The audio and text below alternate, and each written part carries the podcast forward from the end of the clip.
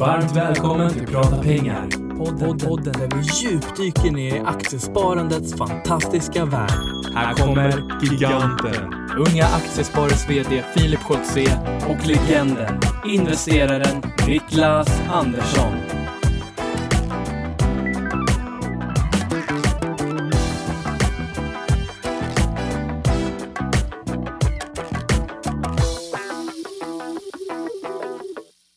Då säger vi äntligen måndag och varmt välkomna till podden Prata pengar. Det är avsnitt 58 Niklas. Ja, men varmt välkommen på dig. Tack. Varsågod. Hur är läget? Det är bra. Hur är det själv? Jo, men det är bra. Jag har, eh, eh, det är ju fredag idag som eh, oftast eh, när vi spelar in och jag har eh, eh, varit hemma och varit förkyld den här veckan.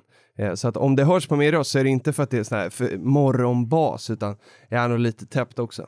Så det, du har alltså blanka BNP. Det är skönt att du är tillbaka så får du, så får du stötta Sveriges ekonomi och inte bara ligga hemma på soffan. Nej, men jag tycker det. Men, Pengar, pengarna jobbar ju för dig även fast du är sjuk. Ja, men det har de Så går ju verkligen. dina pengar till skolan eller till arbetet och jobbar klockan 09.00 på morgonen och det här har ju varit en bra vecka för dina pengar förhoppningsvis. Det har varit Men vilken raketrysarvecka det har varit när det kommer till bolagsrapporter. Ja, verkligen. Och inte rysarvecka för att det har Startade ju med H&M i måndags. Ja, man har, det är inte så att man har bitit på naglarna utan snarare för att det har varit ganska mycket kräm i rapporterna. Mm.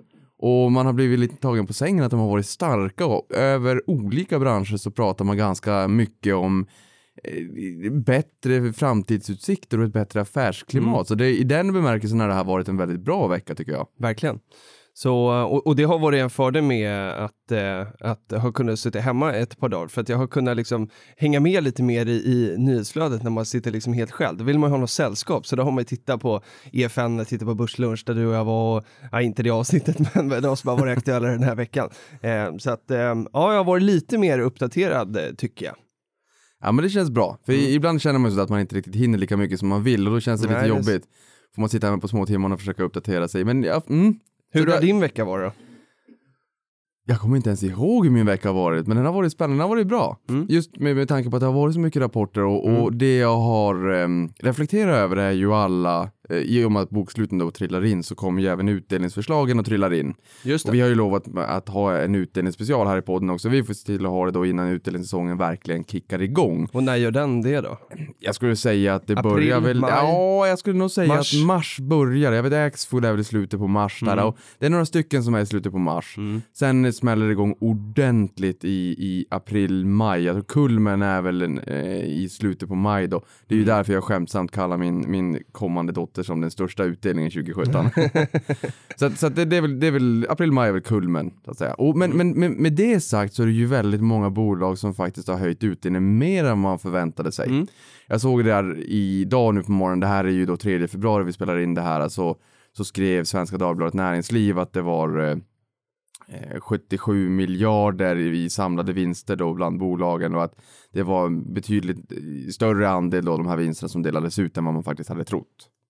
Hmm. Så mycket Vad hade utdelning. Fanns det några siffror på om man hade trott det? Eller säger. Ja, jo, nog finns det det. Det finns ju ett konsensusestimat både från Factset och från SME eh, direkt. Men eh, nej, jag, jag har inte siffran sådär rakt upp och ner, men det känns som att många Det var som jag har över sett, förväntan i alla fall. det var över förväntan och många jag har sett har varit tvåsiffriga. Ja, det har det verkligen varit. Väldigt och, många gånger. Och sen är också en intressant fråga på det då. Betyder det att eh, eh, bolagen har gjort högre vinster i år än tidigare år eller delar man ut en större andel av vinsten? Det där är jätteintressant. Jag såg på Jag, jag Börslunch, vet jag, nämligen inte vad den siffran är. Det kanske vi skulle kolla. såg på Börslunch här äh, igår tror jag att det var, Mm. om det var i förrgår. Då pratade man om det där och Lars Frick från Placera var där och, Mm. och visade just bankerna har ju gått väldigt bra i och med att Mm. räntorna börjar ticka uppåt. Då, då ehm, tar ju investerarna eh, fasta på det direkt och Mm. skjutsar upp bankerna. De är uppe jättemycket sen Brexit, men det, det, det kan man väl förstå för de Mm. följer jättemycket där 27 juni. Men där har man alltså tickat upp på en nivå kring 80 procent på aggregerad nivå för storbankerna. Mm. Så att eh, det där är lite, det, mm, det är en bra fråga Filip det där, att man får ju inte bara höja utdelningsandelen. Jag vet att den är 63-64 procent i Sverige, eller förväntas vara. Mm. Och i USA förväntas den vara, bara ligga kring 36 procent. Mhm. Men De då, är ju lite mer konservativa. lite mer konservativa, men sen är det ju också så att de är bättre på återköp. Mm. Så lägger Ja, man till det. det. blir det en, Ska en vi dra annan det siffra. snabbt? Jag tror inte, vi har inte pratat så mycket återköp i den här podden. Nej, nu vart det här värd en jättestor utsvävning. nej, nej, men alltså återköp, för det, för det finns ju ett antal olika sätt att återföra värde till aktieägarna och Mm. i mångt och mycket så är ju den vanligaste att eh, eh, helt enkelt ge en utdelning. Alltså att man, man transfererar pengar från bolagets kassa på banken Mm. till din och min depå då, så får vi göra vad vi vill med de där pengarna. Men ett annat sätt är ju också med återköp och att man då köper tillbaka sina egna aktier antingen för att ha dem eh, på lager i, i, i ladorna för att kanske kunna betala kommande förvärv i framtiden om man ska köpa bolag eller vad det kan tänkas vara. Kanske.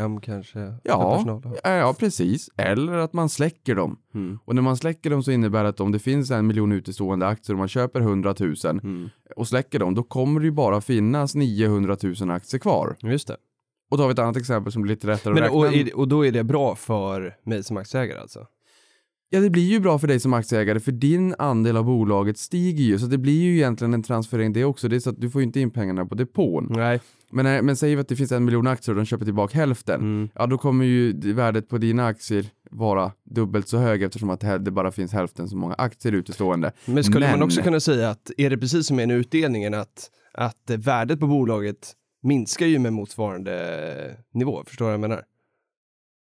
Alltså om, om, om det finns 100 miljoner aktier och så Ja. köper ett bolag eh, tillbaka de där för 100 miljoner, säger vi, säger att det kostar en krona per aktie, då har ju bolagets värde förmodligen minskat med 100 miljoner kronor. Ja, säg att det finns, säg då en krona per aktie som du sa där. Och antingen om, om det finns 100 aktier och en krona per aktie eller så gör man ett återköp på hälften. Då finns det ju 50 aktier men då kommer de teoretiskt ticka upp till 2 kronor.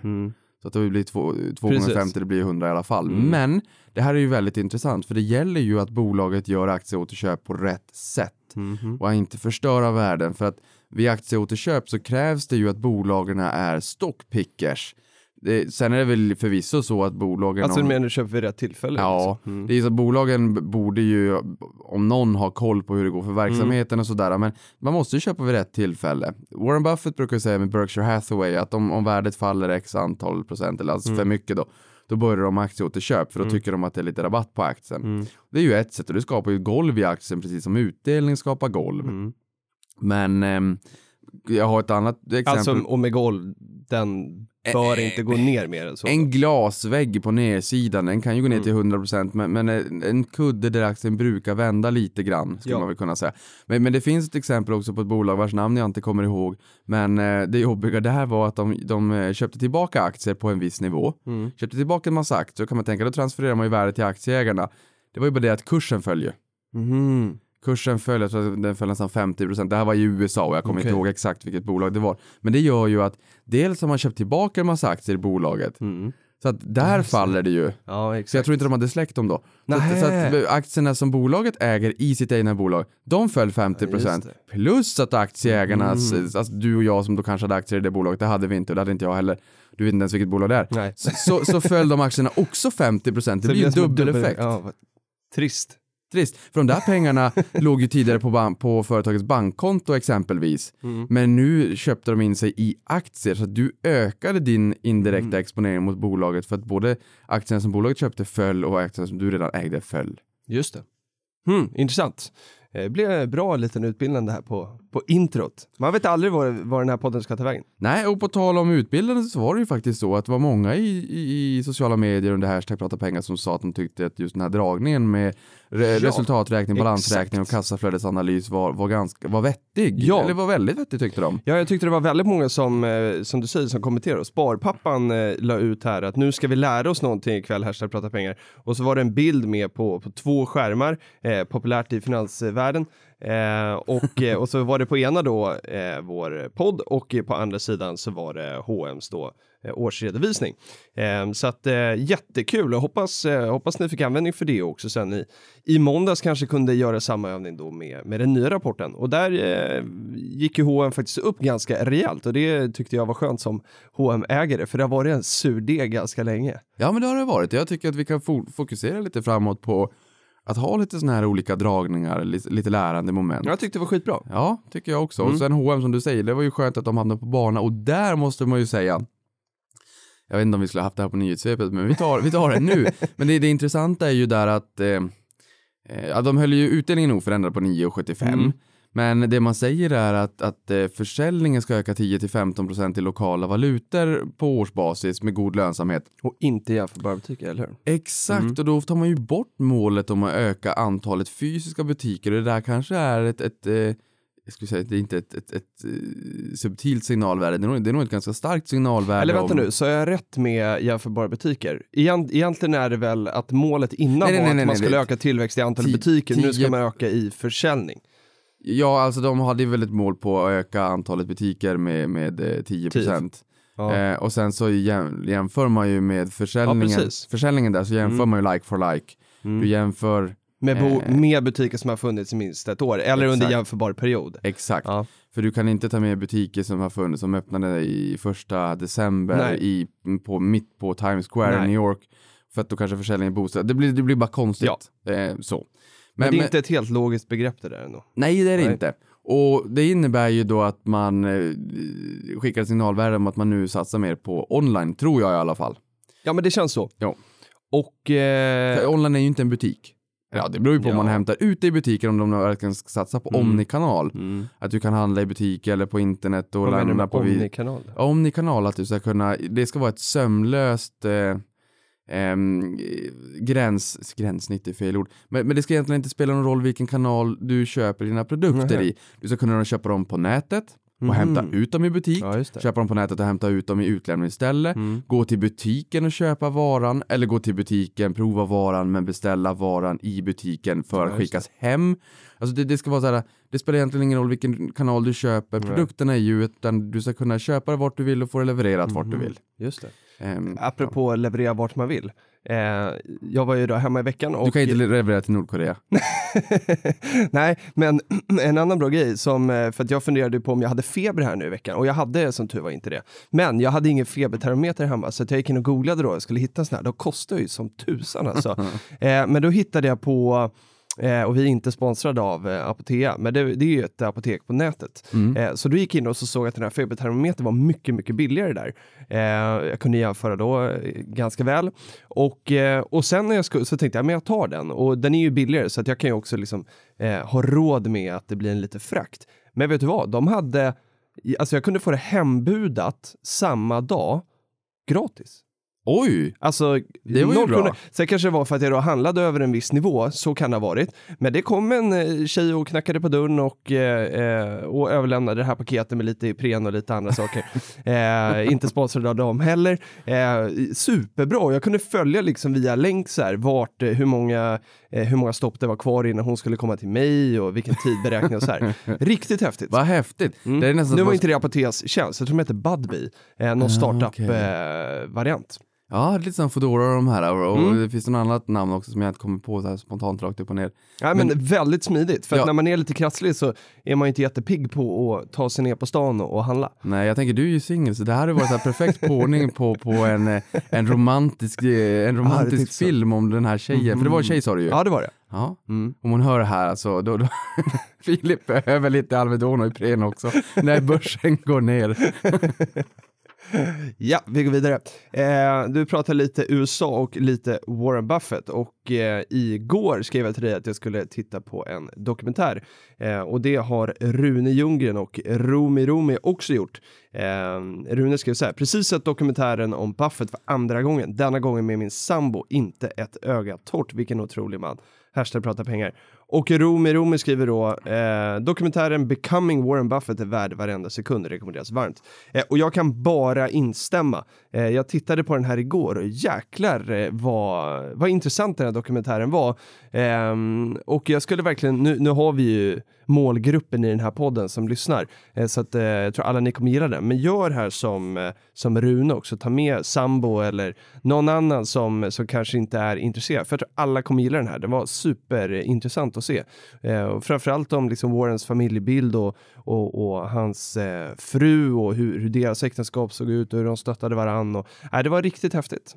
Ja, det var, det, den var jättebra för det Mm. var ju ett antal olika perspektiv i den där filmen och då har man ju blivit, nu är jag inte ung aktiesparare längre i och med att jag då är, är över 29. Just det. Ehm, och man har blivit lite blödig nu på tiden så att man, man fick ju så här, det tåras ju lite grann i ögonen. Ja. Man låg där och snyftade Ja. lite grann i soffan och tyckte att det var, ehm, ja men det, det var bra. Det var inte bara Warren Buffett som investerare utan även som familjefar Mm. och ibland kanske lite frånvarande Mm. och hans, eh, hans relation till hans nu framlidna fru Mm. eh, som, inte, som inte lever längre och hans, Nej. hans eh, fru som han har nu då, eller hans första Mm. fru så att säga. Eh, Men lite grann från hans vardag och, och, och hans barn Mm. och vad, vad de sa och så, så det var väldigt många olika perspektiv. Det gav, gav en ganska bra bild på honom som person och hans relation till sin far och så. Mm, verkligen. Nej, jag tyckte det, jag kan varmt eh, rekommendera den. Eh, och för att få lite börskoppling till det, så den här fanns ju då på HBO, Home Box Office har jag lärt mig att det står för. Ja. Eh, och, eh, och så var jag inne och tittade och de är ju, ägs ju av eh, Time Warren eh, som jag eh, noterade. Nu, inte Warren Buffett, Time Warner. Warner, förlåt! inte förlåt. Time Warren. Han har inte köpt. Warner som är Warner Snacka Brothers. om att vara typ. jävig. Time Warren Buffett. Det kanske är Warren. Nej, han, han har nog ingen ägare. Okej, Time Warner då. Exakt. Där kan man hitta den. Ja, men gå in och kika på den. Ehm, ja, du hade också sett den. ja, jag har sett den. Ja, såg du den också igår för att jag skrev Nej, jag såg den innan dig. Jaha. Ja, ja. Man är alltid lite... Det gäller inte att delta, det gäller att vinna. I, nej. Nej. Nej. Nej. Ja, Okej. En, en grej som jag tänkte på i den där dokumentären, det var, eh, förlåt att vi stannar här, men han satt ju liksom, det var lite genomgående och pratade inför en skolklass. Och när de här barnen ställde frågor, eller ungdomarna ställde frågor, så kändes det så, så jäkla manus... För han var ju väldigt avslappnad och skön liksom.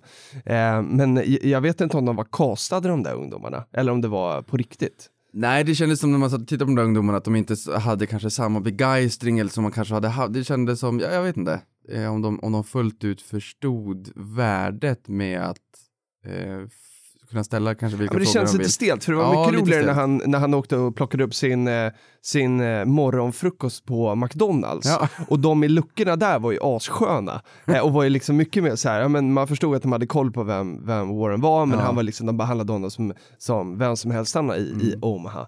Eh, Medan i den här skolklassen så, nej jag vet inte. Och det var någon, någon pojke där som ställde en liksom riktigt, eh, ja, men inte avancerad fråga, men det var väldigt mycket avancerade termer. Så det kändes Mm. så här, nej jag vet inte. Strunt samma, vi går vidare. Hade, hade Ung Privatekonomi varit där och lärt upp dem?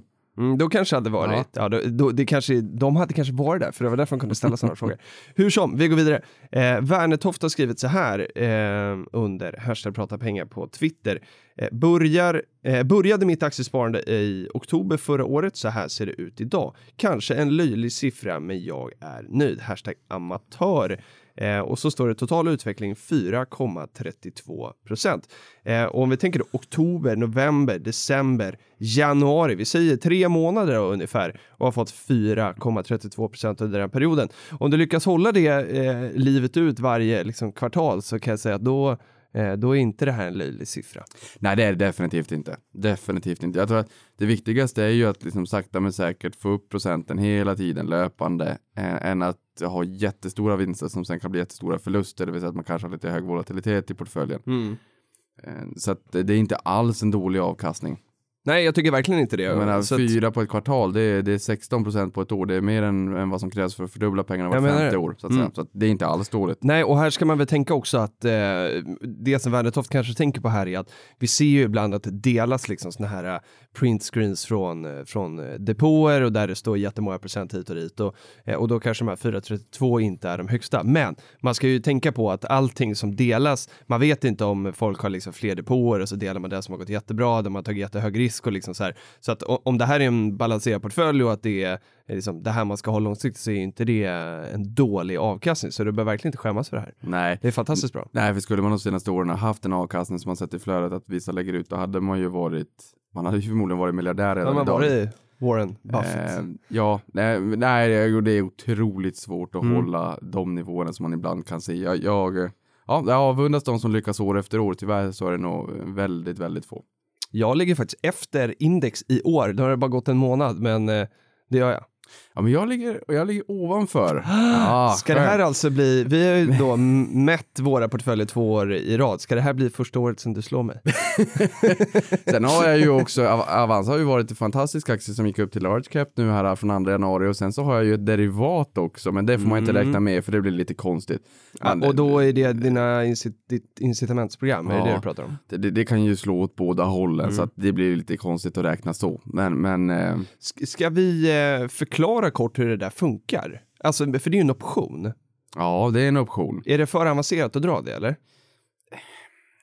Nej, alltså det man kan säga är väl att en option ger ju, om jag köper en option, Mm. köp eller säljoption. en För det är väl det du har gjort i det här fallet? Ja, Mm. man kan köpa en köpoption och man kan köpa en säljoption och man Mm. kan ställa ut en säljoption och man kan ställa ut en köpoption. Men vi tar det vanliga. Eh, Det är vanligt, säg köp en köpoption. Mm. Då, har jag, då köper jag mig rätten men inte skyldigheten att i framtiden till ett visst förutbestämt pris vid ett visst givet datum i framtiden Mm. köpa en underliggande tillgång. Just det. Eh, nu får vi får jag hoppas att det här lät bra. Eh, men, Jo, men, och, och det, är gjorde så här, det ju. och jag har ju läst på om eh, hur det här programmet fungerar. Och om jag har förstått det rätt så är det eh, i september så köpte du en sån här och så säger Augusti. den, ja okej, men jag tror att det löper september. Det jag var inne och tittade nämligen på en sida. Okej, Ah, ja. okej. Okej, vi säger augusti då. Strunt samma. Så säger man att nu köper jag eh, så här många optioner eh, och det ger mig eh, rätten att köpa så här många aktier om tre år är det väl i det här fallet, Ja. till ett givet pris. Ja. ja, för det är det här Och för, det för den möjligheten betalar du en premie som det heter, en avgift. En premie. För det kan ju jämföras egentligen med att man betalar en premie till försäkringsbolaget för att Ja, hoppas det. med en hemförsäkring och man hoppas att nej, men huset ska väl inte brinna ner. Men gör den det, brinner huset ner så, så vad, har man ju, eh, då får man ju ett nytt hus eller Mm. åtminstone pengar för att kunna bygga ett nytt hus. Just Och det innebär att du betalar en premie Mm. för, eh, för rätten inte skyldigheten. Det blir fel i det här fallet, men du betalar en premie till försäkringsbolaget och om någonting händer Mm. så får du ett nytt hus. Just det. Om någonting händer i optionens fall är ju att om optionen stiger och är in the money som man säger, då kommer du att kunna köpa aktierna till ett givet pris. Eller ska vi gå in? Vi, vi går in på det. Vi säger så här. Ja, men vi säger så här, för, för någonstans i, i augusti, vad stod eh, Avanci då? 350-60 någonting? Nej, 312.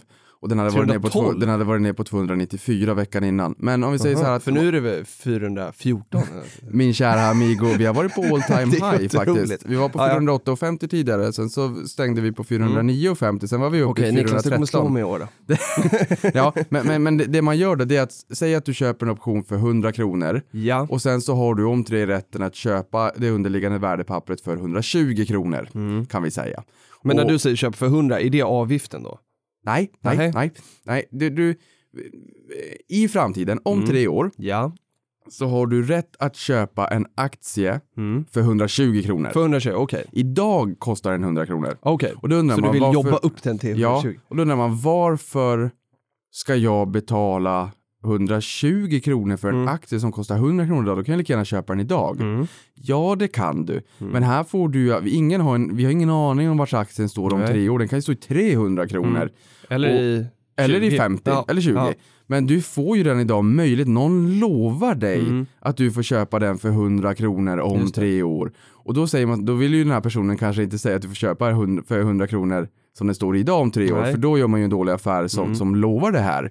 Utan man måste ju ha en liten sannolikhet att man själv gör en bra affär. Så 120 kronor om tre år. Mm. Och för den rättigheten får du betala en premie. Mm. På samma sätt som att för att få en hemförsäkring får du också betala en premie. Och den kanske ligger på 10 kronor säger vi. Mm. Och det är avgift. Alltså de försäkringsbolagen måste ju byta premie till avgift. Ja. ja. Det är så irriterande. Men det innebär ju att om aktien kostar 100 kronor idag, du får köpa den för 120 kronor om tre år och sen får du betala en premie på 10 kronor för att ha rätten men inte skyldigheten att i framtiden till ett förutbestämt pris, hun- eh, 20 120 kronor, Mm. vid ett förutbestämt datum om tre år köpa den här aktien för 120 kronor. Det får du betala 10 kronor för. Det är din avgift eller premie, men nu heter det ju avgift numera enligt Scholz C. Just det. Det innebär att du får betala 130 kronor. Ah, just det. Den står i 100 kronor idag, Mm. du får köpa den för 120 kronor. Betala 10 Men du har ju betalat 10 kronor i premie så du måste ju upp i 130 innan det är så att den där börjar tugga pengar. Just det. Och sen när den gör det, då tuggar det på ganska friskt. Och det är då du är in the money. Då är man in the money. Mm. Det här är pokerslang. Ja, Ja, eller? Är det? Nej, det vet jag inte. Nej, Jag jag bara säger det. Nej, det är nå- något sånt spel. In the money i alla fall. Eh, Okej, men eh, och då är Så- det ju så det- helt enkelt så här att om aktien står över 130 efter de här tre åren så eh, är det ju värt, då har du ju liksom gjort den vinsten. Står det under det så behöver man ju inte eh, ta den här möjligheten. Nej, och du binder, ju, du binder ju mindre kapital. För jag menar, Mm, har vi en sant. aktie på 100 kronor, Det är ju ett lån egentligen. ja, om, om aktien går upp en krona, Mm. då har ju du gått upp en procent. Ja. Men om du köper en option Mm. en pre- för en premie på 10 kronor, Mm. aktien går upp en krona. Mm. En krona på 10 kronor premie är 10 procent. Yes. Så du får en hävstång. Det är därför det, det är det du menar med derivat. Ja, och sen kan jag ju säga så här att nätmäklare i branschen har ju inte bonusar heller, utan där så Nej. fokuserar man ju på kunderna. Så att jag menar, är det så att eh, min, min arbetsgivare sagt att det skulle gå åt fel håll, då förlorar jag alla pengar jag har Mm. lagt in. Just det. Så att jag, jag får inte ett korvöre. Nej. Och det är, är det. mina egna pengar så att säga. Det är ju inte så att man får några pengar, utan det är helt och hållet mina egna surt förvärvade pengar som jag lägger in det. där och tar en risk med. Men jag vill ju, jag vill känna att man har en blåslampa i Mm. baken, att man, att man gör det här lilla extra varje dag. Och gör jag inte det, då kommer det, och, då kommer det att Då svida. kommer jag att piska på dig. Ja, för du äger aktier Avanza, då kommer det svida.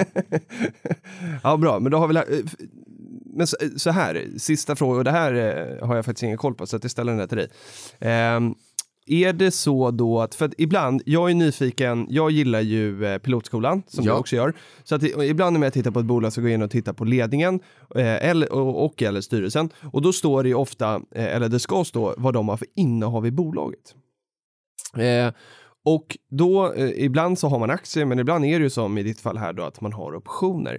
Finns det någon liksom tumregel som säger att oavsett eh, vilket bolag det är, för då står det i antalet optioner man har, sk- kan man då alltid räkna ut hur mycket värdet på det är, alltså hur många underliggande aktier det är, eller är det från bolag till bolag?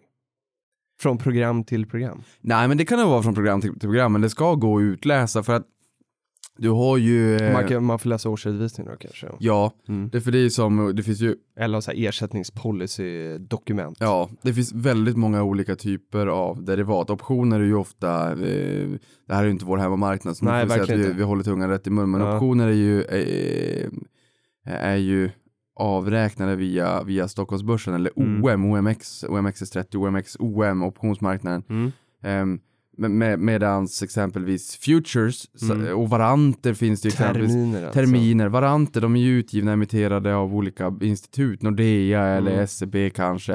Eh, var, terminerna är ju ganska intressant, det får vi ägna ett avsnitt Ja. åt. Att det, det kom ju en gång från jordbrukssektorn när bönderna ville säkra att årets skörd var såld innan, innan den ploppade upp i marken. Mm. Så att de kunde ju sälja årets skörd till ett visst pris redan innan och köpmännen de kunde garantera att de fick en viss skörd redan innan skörden också så man kom överens om priset.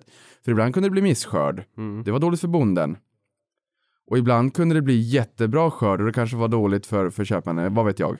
Just det. Eller, eller ja, utbud och efterfrågan borde trycka ner priset. Men i alla fall, bonden och köpmannen kunde ju komma överens om, om pris redan innan, lite grann oavsett volymen på leveransen. Mm. Så att en termin, till skillnad från en option, den säger att man får köpa en, viss underliggande tillgång till ett, till ett givet pris i framtiden. Den har inte som en option option, den har inte valmöjligheten för innehavaren att välja om man vill Det använda den här eller inte. alltså? Ja, Mm. för att om, om vi pratade om den här aktien tidigare som kostar Mm. 100 kronor, jag fick köpa den för 120 om, om eh, tre år. Mm. Om den skulle kosta 80 kronor om tre år så skulle inte jag vilja använda den här möjligheten jag betalat 10 kronor i Nej. premie för, för det blir en förlustaffär. Mm. En termin är tvingande. Mm. Så den säger att jag kan köpa din potatisskörd i, i, i jag säger i januari att jag köper den, men jag får den inte levererad först i september. Ja, just det. Ehm, så att det, det är terminer. Sen har vi futures och forwards, vi ska inte gråta in oss på det här. Det tar vi Men-. Men futures blir ju mera, där vet man vad man får, det, men, men en, en forward, det är en OTC, det är en over the counter. Så du skulle egentligen, du och jag, kunna upprätta ett, ett kontrakt oss sinsemellan på 540 sidor Mm. och säga att det här gäller, men det, men det är ingen som, det är inte reglerat någonstans. Mhm. Ehm, så att over the counter är om det, det är inte liksom, då kan det vara, det är skräddarsytt. Just det. Mm. Bra. Och det kan ske liksom utanför en reglerad marknad, kan vi säga det? Ja, ja, alltså det som var problemet med Lehman Brothers när det small en gång i tiden var att det var väldigt mycket OTC-derivat. Man, Mm. man, man hade inte koll på riskerna, det var mycket som var mellan dig och mig och, och, och, och, eh, om du är bank A och jag är bank B så Mm. hade bank C ingen aning Ja, om, om våra förehavanden oss sinsemellan. Men bank C hade lånat ut en massor av pengar till oss. Så när du och jag small så gick det dåligt för C också som inte hade en aning om att de här eh, derivaten fanns. Ja, just det. Mm. Kanske inte alls har med reglerad marknad att göra. Vi, ja, strunt samma, vi går vidare.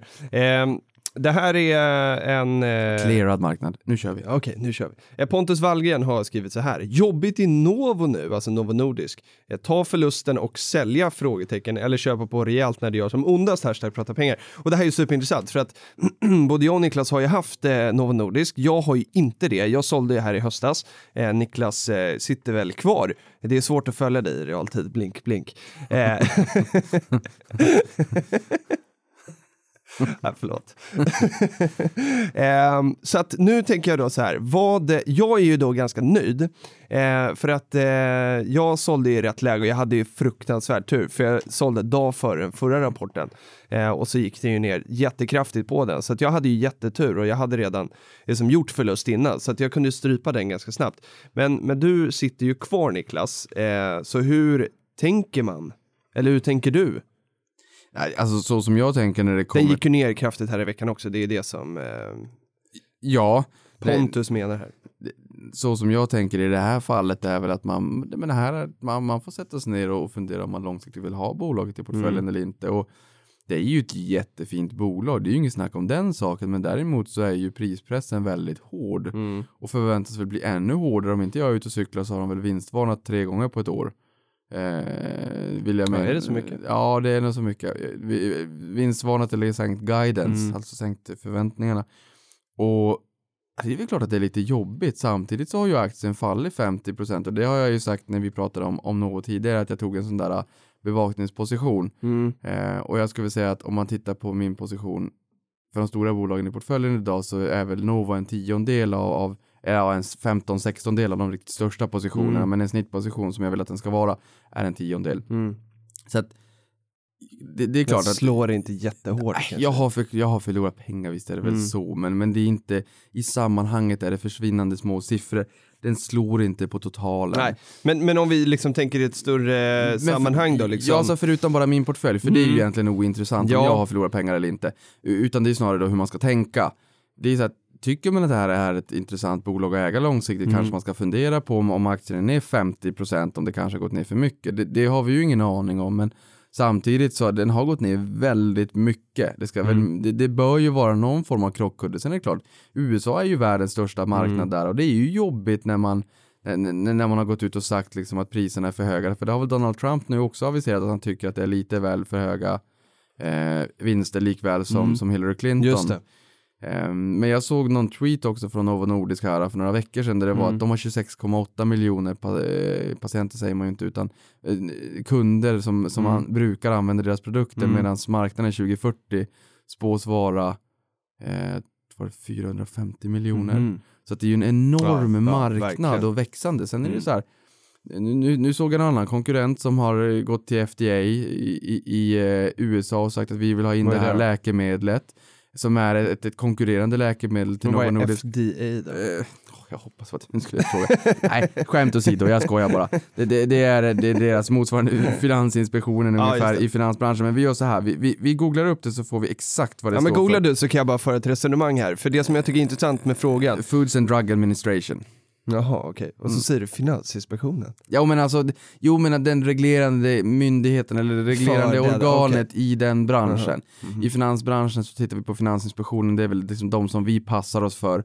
När det kommer till läkemedelsbolag så är det ju FDA som man vill ha approval, man vill ha ett tillstånd av dem för att Okej. marknadsföra sina produkter. Japp. Så, så att den, Men det som jag tänker här, det är, och, och om eh, vi tar liksom, lyfter frågan i ett ännu bredare perspektiv, så handlar det ju någonstans om att, att eh, vi brukar säga att man ska köpa när det gör som ondast. Eh, och, och, men, men det viktigaste här någonstans, och det är väl det som gjorde att jag till slut sålde Novon då, för att jag tyckte att det gjorde ont och jag tyckte det var jättejobbigt att sälja. Ehm, nej, för jag, jag kommer inte ihåg hur mycket förlust det var, men det var ganska ordentligt ändå. Och sen har det ju liksom fortsatt ner efter det. Men köp när det gör som ondast, jag tycker det bara gäller i det fall där man liksom verkligen vet att man vill ha den här aktien, att man vill ha den långsiktigt. Eh, att köpa när det gör som ondast, liksom generellt om man är osäker på om man ska ha bolaget eller inte, eh, det håller ju inte på samma sätt. Ehm, för, för det var ju så det kändes för mig då i höstas, så jag satt och funderade på den här, eh, och, och det blir ju ofta en sån situation tycker jag. Det blir en pressad situation ungefär som med Balder för mig nu. Eh, som, som jag köpte eh, i, i somras och lite mer i höstas och så har den bara gått ner och gått ner och gått ner.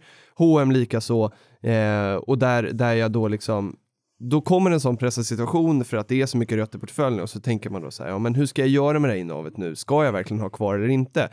Och sen landar i att ja, men jag vill ha både Balder och eh, H&M i mitt fall. Eh, och då kan jag köpa på mig när det gör som ondast. Men i Novo Nordisk så satt jag mig och funderade och så kände jag så nej men det magkänslan var inte helt där. Eh, det passade inte mig riktigt och, eh, och då sålde jag. Så att det är ju inte bara köp när det gör som ondast i alla fall, utan det är ju givet att man verkligen vill ha den här aktien. Ja, nej, men det, det får man väl utveckla. När jag säger köp när det gör som ondast så menar jag ju verkligen, för det har jag ju sagt eh, tusentals gånger att jag vill ha bolag som jag verkligen gillar, bolag som jag gillar Ja. idag, bolag som jag gillade igår och bolag som jag kommer att gilla imorgon. Och precis som du säger, är det så att man inte är säker på om man vill äga bolaget, då gäller inte den regeln alls. Då ska man inte ens ha det i portföljen. Det var som vi sa i förra avsnittet, kan du inte äga en aktie i tio år ska du inte äga den i tio minuter som Warren Buffett har sagt. Bra slutord. Eh, ja, men, men, men, men, men, men, men, gillar man aktien Mm. eh, och tycker man att det här är spännande så, så ser jag inte alls konstigheter att fortsätta att spara i den här aktien precis i en väl avvägd portfölj. Därför att det är oftast i sådana här lägen när fina bolag råkar ut, råkar ut för lite bekymmer som de bästa affärerna görs. Så det kanske är så om Ja, man säljer att den som köper dina aktier när du säljer, det är den personen som i slutändan Mm. på några års sikt gör den absolut bästa affären.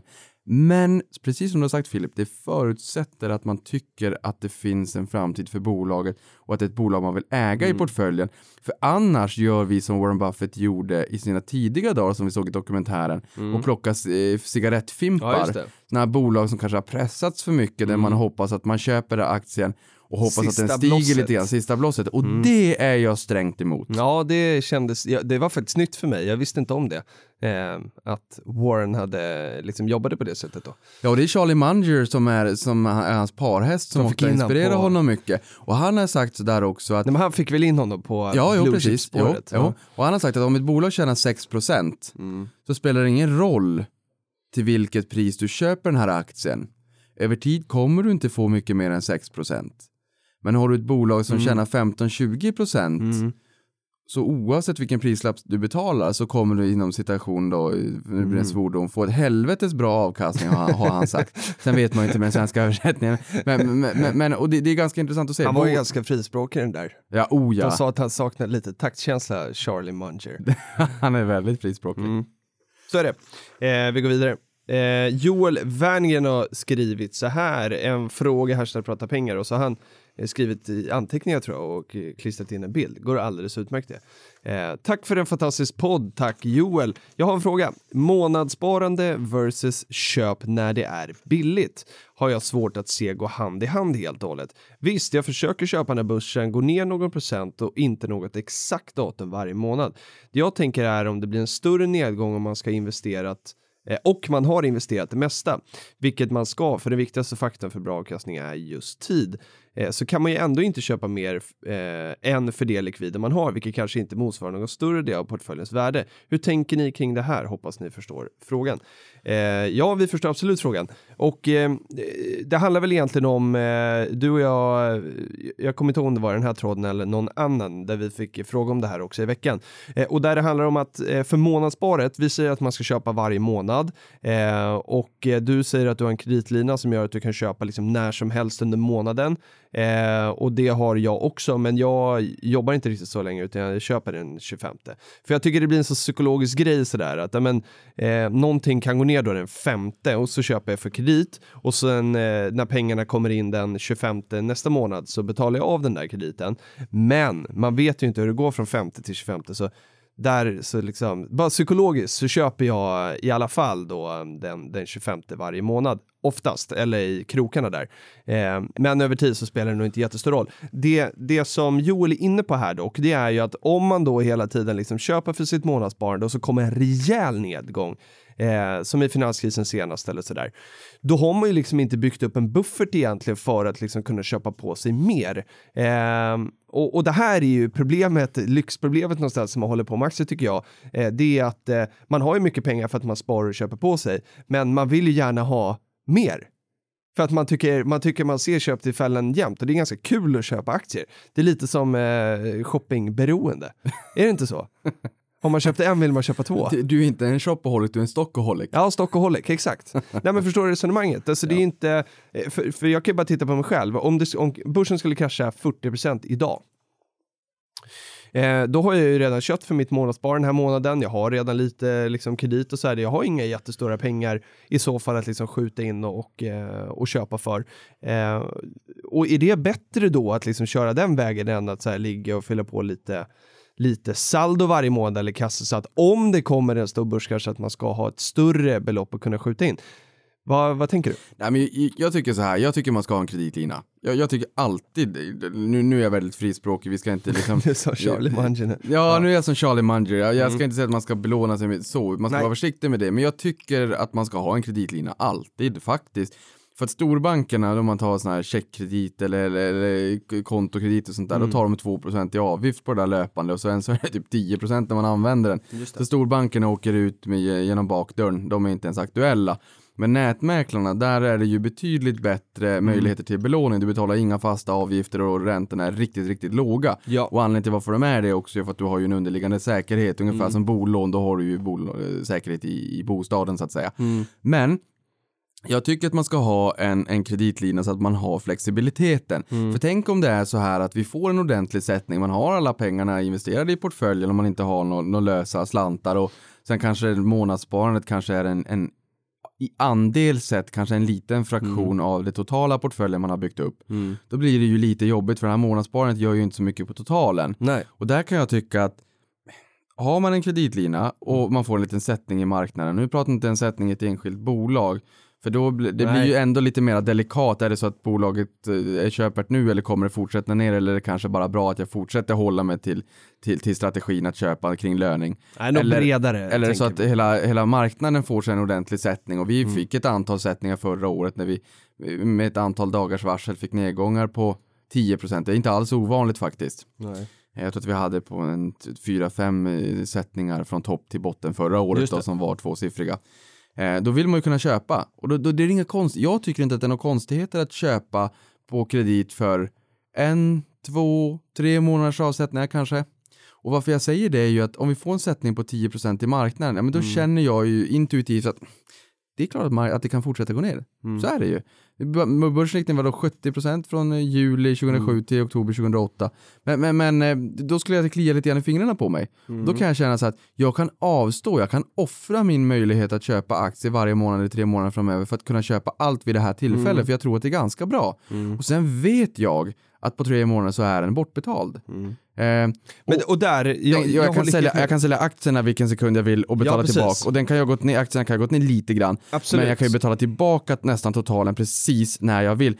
Vet man med sig att man är spelberoende eller har andra svagheter, då kanske man inte ska ha det här som Nej, och, och det är väl det jag tycker att vi ska, jag håller inte med om att alla ska ha en kreditlina. alltså, eh, jag, jag, har ju, jag har ju testat det själv eh, och jag, jag gillar det inte riktigt. För att eh, jag, jag håller med dig om att, att eh, Alltså har man den disciplinen och att man tycker då att säga, ja men nu har vi fått en jättesättning, jag kan, och samma här, det gäller väl så för att sätta upp regler för att, ja men jag, jag ska aldrig belåna mer än Eh, alltså låna mer pengar än då två, tre månaders avsättningar. Eller vad man nu tycker som man känns rimligt att den tiden kan jag avvara att köpa aktier för att betala till av lånet. Men fortfarande så är det ju två moment i det här och dels är det rena då att man ska tycka att det känns okej. Eh, jag tycker att det är fruktansvärt tråkigt. Jag tycker det är roligare att köpa varje månad än att så här behöva ligga och betala av eh, på, på någon skuld. Eh, även om det kanske visade sig vara, liksom, det hade varit bättre att göra på det sättet. Men, men sån är jag. Eh, och sen nummer två är ju att det är också en liksom, du, eh, om du ser det här läget och tycker så här, men nu är det ett superläge. Man har ju fortfarande ingen aning. Nej, fast om man får en kortsiktig sättning i marknaden för att, eh, vi säger så här, att Fed går ut med en oaviserad räntehöjning och marknaden blir lite rädd och skjuter Mm. ner en 10 Det har, det har hänt. Ja, det har hänt och liksom, vi har haft några sådana så på en månad är det tillbaka eller något sånt där, eller Brexit för den delen. Jo, Eh, och det är ju väldigt, men man väldigt vet- brett. Ja, det är Nej, brett. man vet, man vet Det skulle ju inte, kunna men- fortsätta ner där, det kan ju bara vara starten på en, på en djupare nedgång. Liksom. Ja, men så är det ju. Och men, då hade det varit bättre att köpa liksom utportionerad. Så, det, så här, det finns ju inget rätt och fel Nej, det- här, nej, det det, ska det vi inte. säga. Ja, det ska vi Utan säga. Man måste, det, jag, jag tycker det handlar väldigt mycket om att gå till sig själv och känna vad känns bra. Ja Liksom. men, ja men det har vi ju sagt tidigare också Mm. att det, det finns förmodligen lika många investeringsfilosofier som det finns investerare.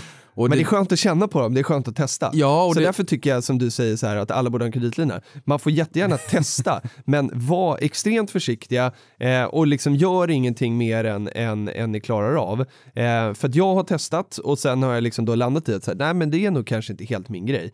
Eh, och då har man ju lärt sig det liksom. Mm. Jo men, men det är jag tror att som, som vi har, jag drar mig till minnes nu här då, Mm. att ehm, det finns lika många investerare som, eller investeringsfilosofier som investerare. Mm. Och vad brukar jag säga? Jo, att oftast den som är den största utmaningen, risken, hotet mot en långsiktig portfölj, det är en själv. Ja, Att man får ont i magen när någonting går ner fast egentligen skriker köpläge Exakt. fast man inte riktigt vet. Så att jag tror att det viktigaste här är verkligen att känna sig själv och, Mm. och, och göra på så vis att man sover gott om natten. ja. Ehm, Men jag tycker att det är en, en möjlighet. ja. Sen, sen är det sådär också, vet man med sig att man kanske börjar dra på den där lite grann, man går ifrån sina placeringsregler och sådär, men då kanske Mm. man inte ska ha den. Ja.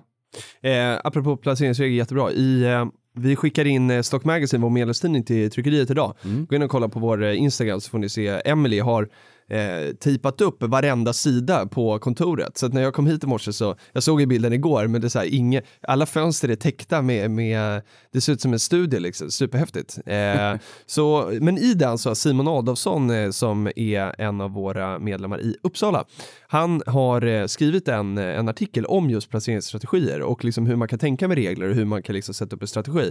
Eh, läs den.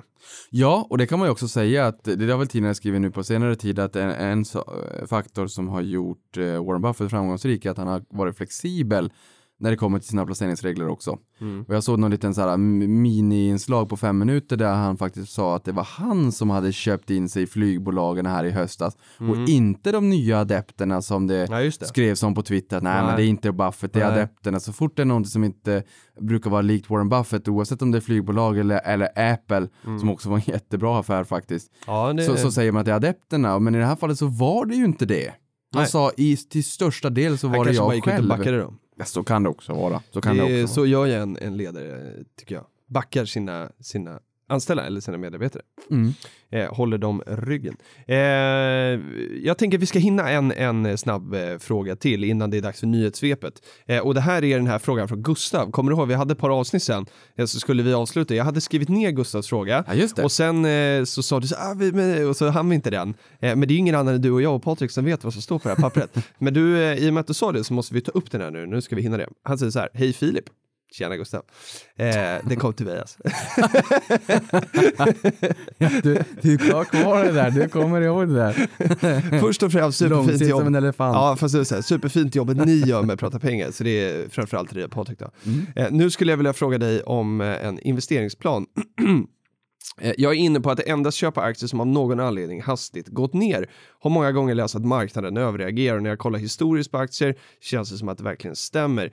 Då tänker jag mig att sitta med kanske 100 bolag under bevakning som jag tror på och bara vill slå till vid och bara slå till vid snabba nedgångar för att sedan kunna sälja av i 10-15 procent eh, upp då, vilket enligt mina begränsade erfarenheter brukar gå ganska fort. Har inte lyssnat igenom allt, ni kanske till och med pratat om det här i tidigare avsnitt. Eh, annars undrar jag lite hur ni ser på det med vänlig hälsning Gustav. Eh, nej, jag tror inte vi har pratat om det. Det här är en strategi som jag aldrig har eh, eh, testat. Eh, men eh, jag vet inte tusan alltså. Det här är, låter ju, för, för mig låter det här ju väldigt kortsiktigt liksom. Och jag vet inte om jag hade vågat mig på det här riktigt. Nej, inte jag heller. Nej. Just 10-15 procent är ju som vi har sagt 15 procent fördubblar pengarna vart 50 år. Ehm, pengar är inte gratis. Eh, Nej. För att få en sån där avkastning så, så innebär det att du behöver ta risk för att de som säljer aktierna som du sen då köper för att skjutsas upp 10-15 procent, de är ju inte de är ju inte osmarta de här människorna. Det kan ju inte bara vara baserat på känsla alltid. Ja, ibland är det kanske vid stora marknadsrörelser och sådär, men jag skulle säga det är otroligt svårt att få den här typen av avkastningar så här fort. Det är klart man kan sitta med 100 aktier och bevaka, men det blir lite tråkigt ifall det inte händer någonting på väldigt lång tid och sen så Nej. kanske man tröttnar, så kanske man glömmer det, så kanske man är på jobbet eller bröllop eller Mm. man kanske ligger och flyter i någon bubbelpool, vad vet jag. eh, under tiden man får en riktig sättning. Nej, jag, jag, jag tror att det, skulle, det är nog en otroligt svår strategi att Mm. hålla sig till över tid. Mm. Är Hellre tycker jag att, som jag gör då, med en, en långsiktig portfölj med långsiktiga innehav där det av någon anledning ibland kanske kan komma en ordentlig sättning och att man tycker att det där är lite överdrivet att man kanske köper lite mer. Vi har exempel på Betsson med vinstvarningen i Q2 2016. Där gick aktien ner väldigt mycket till 60. Mm. Eh, sen så gick, studsade den upp ganska snabbt till 90. Det är 50 procent. Vi hade Ola Rolén på Hexagon och de misstankarna han fick skaka galler i Norge i några dagar. Där gick aktien ner väldigt mycket på rädsla för vad som skulle hända. Sen så gick ju den upp en hel del. Just det. Vi har Autoliv med, med Takata. Eh, är ju en, en konkurrent, en japansk konkurrent eh, som hade problem med krockkuddar, att, att de, hade, de självutlöste så det splittrade eh, stoff i ansiktet på folk. Man, folk blev skadade helt enkelt och de Just fick det. kalla tillbaka bilar och så många bilar i USA att det var den största återkallelsen i USAs historia. Mhm. Eh, och sen så kom Autoliv och hade lite problem med krockkuddarna. Jag tror lite såhär, nu, nu skojar jag och raljerar lite grann, men det var, så att det var fem bilar på en parkering i Dakota. De bara, we got it! så här parkeringen, vi fixade det. Nej, inte riktigt så, men, men det var inte så jä- jättemycket. Men marknaden har varit livrädd för att Mm. man hade i minne det var, så, det var så färskt, såret hade inte börjat läka från Takata på finansmarknaden. Så att man skjutsade ner Autoliv 16%, sen hämtade han sig väldigt fort. Just Så det. att visst, det förekommer, men det är nog ganska ovanligt ändå skulle jag säga med de här jätterörelserna som kan ge 10-15% på kort sikt. Ja, jätte... Bra medskick. Och jag vill också bara skicka med, det här var ju ett, eh, ett mail som vi har fått och eh, vi får ju väldigt mycket mail till eh, pratapengar.ungaaktiespar.se eh, och Eh, ja, ett önskemål är att vi får ännu fler frågor på Twitter. Eh, och det är inte för att eh, det inte är okej att mejla oss, mer för att det är roligare om alla kan få ta del av dem och att man tvingas skriva sin fråga på 140 tecken. Eh, för att det finns en liten utmaning med, eh, med mejlen och det är att väldigt många av de eh, frågorna som vi får, vi läser, eh, jag skulle säga att vi läser allt, men vi svarar inte på allt. Eh, för många av de mejlen som vi får, det tar för lång tid. De, eh, det är jättekul att läsa era historier, men, men de är väldigt, väldigt långa och ofta är det ganska eh, liksom specifika rådgivnings liksom, case eh, och då blir det ganska svårt för mig, Niklas, att svara eh, på dem om man säger att så här, jag har så här mycket pengar och vad tycker du om den här portföljen och sådär. Eh, vi kan bolla generellt mer eh, och därför lämpar det sig liksom bättre att försöka skriva på Twitter, försöka hålla ner eh, eh frågan så kort som möjligt så ökar sannolikheten för att vi ska kunna svara på den. Så att eh, eh, jag vill bara skicka med det till er, eh, att vi ser allting ni skickar in, men, men det är svårt för oss att, att svara på allt, framförallt när det är eh, långa A4. Ja, Även om vi tycker det är väldigt trevligt att läsa. ja, det är trevligt att läsa. Det är, det är både, både eh, tidsmässigt så, eh, så blir det utmanande, men sen även just när det kommer till rådgivning, för det där är lite känsligt. Men eh, som sagt, vi läser allting Mm. och min förhoppning är väl att man ska kunna skicka iväg något svar på det, på det, något bra svar, genomtänkt, inte bara något svar, utan något genomtänkt på det vi har fått in. Ja, men, just, men just framåt, det är jättebra att du säger det där, för att jag får lite ont i magen när jag, när jag får en massa eh, mail och jag känner att hur ska vi hinna med Nej, det här? För man Nej, det vill jättesvårt. ju svara. Man vill jättegärna svara, eh, men, men det, är, det blir väldigt svårt eh, och, och, och ta sig igenom dem. Ja, och jag tänker så här att, för jag menar, det uppskattades ju med det här temat nu kring årsredovisningar hur man ska läsa och jag vet inte, vi ska ju slå våra kloka huvuden ihop och fundera kring framtiden och hur vi ska utveckla podden och så, men det kanske är så att man gör ett, ett eh, frågeavsnitt någon gång nu och då. Det har vi inte, det har vi inte landat i. Det, vi, vi vet inte än hur vi ska göra, men vi, vi vill ju på något sätt ta hand om det vi får in och det kanske är så Filip att vi skickar med en fråga också till våra lyssnare under hashtag prata pengar då i sociala medier. Hur de tycker att vi ska ta, ta hand om alla de här frågorna. Ska det vara ett specialavsnitt med bara Mm. frågor eller vad tycker ni? För Mm. det är ju era frågor och vi vill ju göra det på det sättet som ni helst vill ta emot svaren. Exakt. Vad tror du om det? Ja, men jag tycker det är jättebra. Så eh, mejla eller skriv under hashtag pratapengar så får ni ge oss input. Eh, och eh, framförallt så skickar vi med det här bara för att ni inte ska sitta där hemma och känna så här, varför svarar de inte? Är de, är de dryga de här killarna? Nej, Eh, verkligen och framförallt inte. den här Filip som eh, har så dryg stockholmska. Men nej, det är vi verkligen inte. Vi uppskattar jättemycket att ni eh, skickar in det här till oss. Eh, så att, eh, jag vill bara eh, eh, förklara läget. Eh, hur som helst, nu hade jag skrivit upp en till fråga, men den tar vi nästa gång. För Ja, nu för, är det för, dags. ja, för jag läste igenom den, den var ju väldigt trevlig. Den är jättetrevlig. Ja. Eh, det, är, eh, det är Ludde som har eh, skickat in den frågan. Han träffade jag på Nordnet Live eh, förra, förra året, tror jag att det var. Ehm, så att, men den tar vi en annan gång. Ja. Ja, men inte nästa, för då kommer Stefan Tilenius, så det blir superspännande. Skicka in massa frågor till dess eh, om ni har frågor till honom och det vet att ni har. Nu är det nyhetssvep. Ja, nyhetssvepet. Vi kan väl börja med Fingerprint som kom ute, eller kom med bokslut då och levererar utdelning för första gången. Mm. Som jag tror att många investerare gladde sig åt. Det blir ju lite grann av en krockkudde. Och sen Ja. så köpte de ju ett bolag också för nästan en miljard, eller med en, med en en, en viss till, eh, vad heter det, tilläggsoption så, tilläggsköpeskilling så blir det väl över, kan bli över en miljard.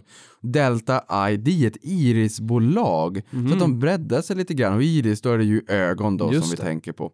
Så att det var väl lite intressant. Det var väl roligt för alla de Fingerprint-ägarna där ute. Eh, Får lite utdelningar. både få lite utdelning men sen också att man slog till och köpte ett annat bolag och få spekulera lite grann kring eh, vart det här ska ta bolaget och tankarna kring framtiden. Just det. Chipotle hade ju lite problem med E. coli, utbrottet Alltså där det, 2015. är- det här är ju återkommande. Ja, Ja. där De, de har problem att locka tillbaka sina kunder. Mm. Sen om det är affärsmodellen eller erbjudandet eller vad den kan tänkas vara. Jag tror inte bara det är så att man kommer ihåg att det var ett E. coli-utbrott. Nej. För att eh, bolag brukar tendera att kunna hämta sig. Det, må, det måste vara mer djupgående än så, men de var ner 76 procent. Mm. Vinsten var ner 76 procent i förra kvartalet då. Men alltså det här påverkar ju, och jag, jag kanske har sagt det förut, men jag, jag käkade på Chipotle för eh, tre och ett halvt år sedan för första gången i, i Seattle tror jag att det var. Och när jag var tillbaka där i somras och gick förbi där så, så gick jag ju inte in. Av den här anledningen. Jag tyckte att det var super, superschysst käk alltså. Jättegott, eh, det var inte så fasligt dyrt har jag för mig och sådär. Men, men eh, nu när jag var där i somras så kände jag, nej, jag, jag går till något annat. Ja, Ja. Nej, men det finns ju- påverkar. ja, det påverkar, men det finns ju lite sånt här, exempelvis, vad var det, arsenik i, i, i riskakorna, Fredriks riskakor. Det Just det. Nej, det var inte farliga Nej. nivåer, men det var lite förhöjda nivåer, men det var väl Livsmedelsverket inte farliga nivåer. Och Nej. Det där tog man ju eh, aktion mot direkt Mm. ändå. Men jag tror att, nu var ju i och för sig riskakeförsäljningen tror jag var ner väldigt mycket. Jag tror det var ner väldigt, väldigt mycket. Ja, Men, men eh, under en kort period. Mm. Men, men som lekman och inte har läst siffrorna så tror jag väl sånt där återhämtar sig ganska fort. Jag tror inte, om jag säger så Folk här. glömmer. Jag tror att det är ganska ovanligt att det håller i sig så här länge, Ja, det kanske. skulle jag säga. Vi tänker det. Ja. Next. Eh, next, eh, Snap kommer till börsen. Nu kan vi lägga ryktena åt sidan och ticken, eller kortnamnet som man kan skriva in om man inte orkar skriva Snapchat, kan du nöja dig med att skriva Snap. Det vilken, vilken Snap? Använder du Snapchat? Yes. Ja, du är ju ung du. eh, Norwegian vill ska, eh, skapa en lågprisallians. Mhm. Eh, om du kanske tänker dig SAS and Star Alliance, så en, en allians för, för lågpris då. Mhm. Och det innebär att man inte bara kan flyga billigt från A till B, från Stockholm till eh, Dublin. Eh, jag vet inte varför jag sa Dublin, men det kanske finns spännande saker att se där. Men, Ja. men jag har aldrig varit där. Men, men då kan man alltså flyga från A till B till C. För då kan Mm. det vara att du med Norwegian flyger från A till B och sen så plockar du Ja, via Ryanair som var en av de här parterna och EasyJet som man hade pratat med, kanske tar dig från B till C då. Just det. Ehm, så det får vi se vad, som, vad det blir med det. Sen vet jag också SAS, de ska ju förlägga sin verksamhet nu Ja, det. utomlands. Ja, inte riktigt lätt på mig att sjunga upp mig. Del, ja, Någonting. precis. Jag såg en rubrik i alla fall. Ja. ja, de har ju lite jobbigt sen avregleringen 1978 när det kom in nya aktörer. Lite grann storbank, nätmäklare eller, eller Zalando rent eh, har ju fötts in i den digitala världen Ja. kontra H&M som, som satsar på sin online. Nu säger jag att du ser bored ut nu känner att går vidare. Nej, jag är inte Ja, bored. Under Armour kom med en eh, vinstvarning. Eh, vi behöver inte säga mer eh, om det, orda, men man, jag tycker man ser Under Armour lite överallt, speciellt här i Sverige. Jag ser en, Mm. Verkligen. en Under Armour-bil på Lidingö också, jag brukar fota den ibland och sen så... Bil? Ja, bil, en svart bil med vit Under Armour-text, så har jag fotat den någon gång och lagt ut som Instagram stories. Men så, så har jag suddat bort reggplåten då. Ja, ja. Eh, bankernas utdelningsandel eh, smyger upp mot 80 procent. Mm. Eh, det är lite grann historiskt hög nivå om vi tittar i alla fall det senaste årtiondet. Men jag menar, får vi stigande räntenetton i och med stigande räntor och stigande vinster tack vare det så kommer ju givet en oförändrad utdelningsnivå så sjunker ju utdelningsandelen framåt då. Just det. Sex år av nedgraderingar, nu reviderar vi upp europeisk banksektor. Woho. Eh, ja, P-talen är lägre än snittet eh, för den europeiska börsen och eh, sektorn har i mångt och mycket price to book under ett, alltså att man betalar mindre än en krona för varje bokförd krona i bolaget. Och det är ju fullt rimligt om det är så att man tror att bolagen inte kommer lyckas framåt och, och, och att man kommer att kunna bränna upp aktieägarvärde.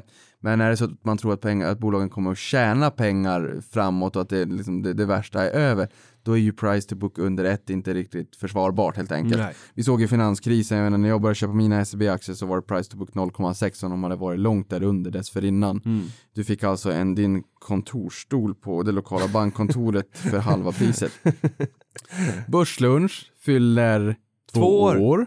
Grattis! Mm, verkligen. Eh, tiden går fort när man har roligt. Jag såg Ja. hur de eh, satt i ett av de första avsnitten. Det Ja. såg lite annorlunda ut än vad det gör nu, men minst lika trevligt. Verkligen. Eh, programmet där man printscreenar och sparar de här lilla graferna i, i, Ja, i, i byrålådan. Men, ja, men det roliga där eh, är ju att de ber ju sina gäster ta med intressanta grafer. Mm. Och det är ju gäster från, från stor del av den här lilla ankdammen, Finans Stockholm.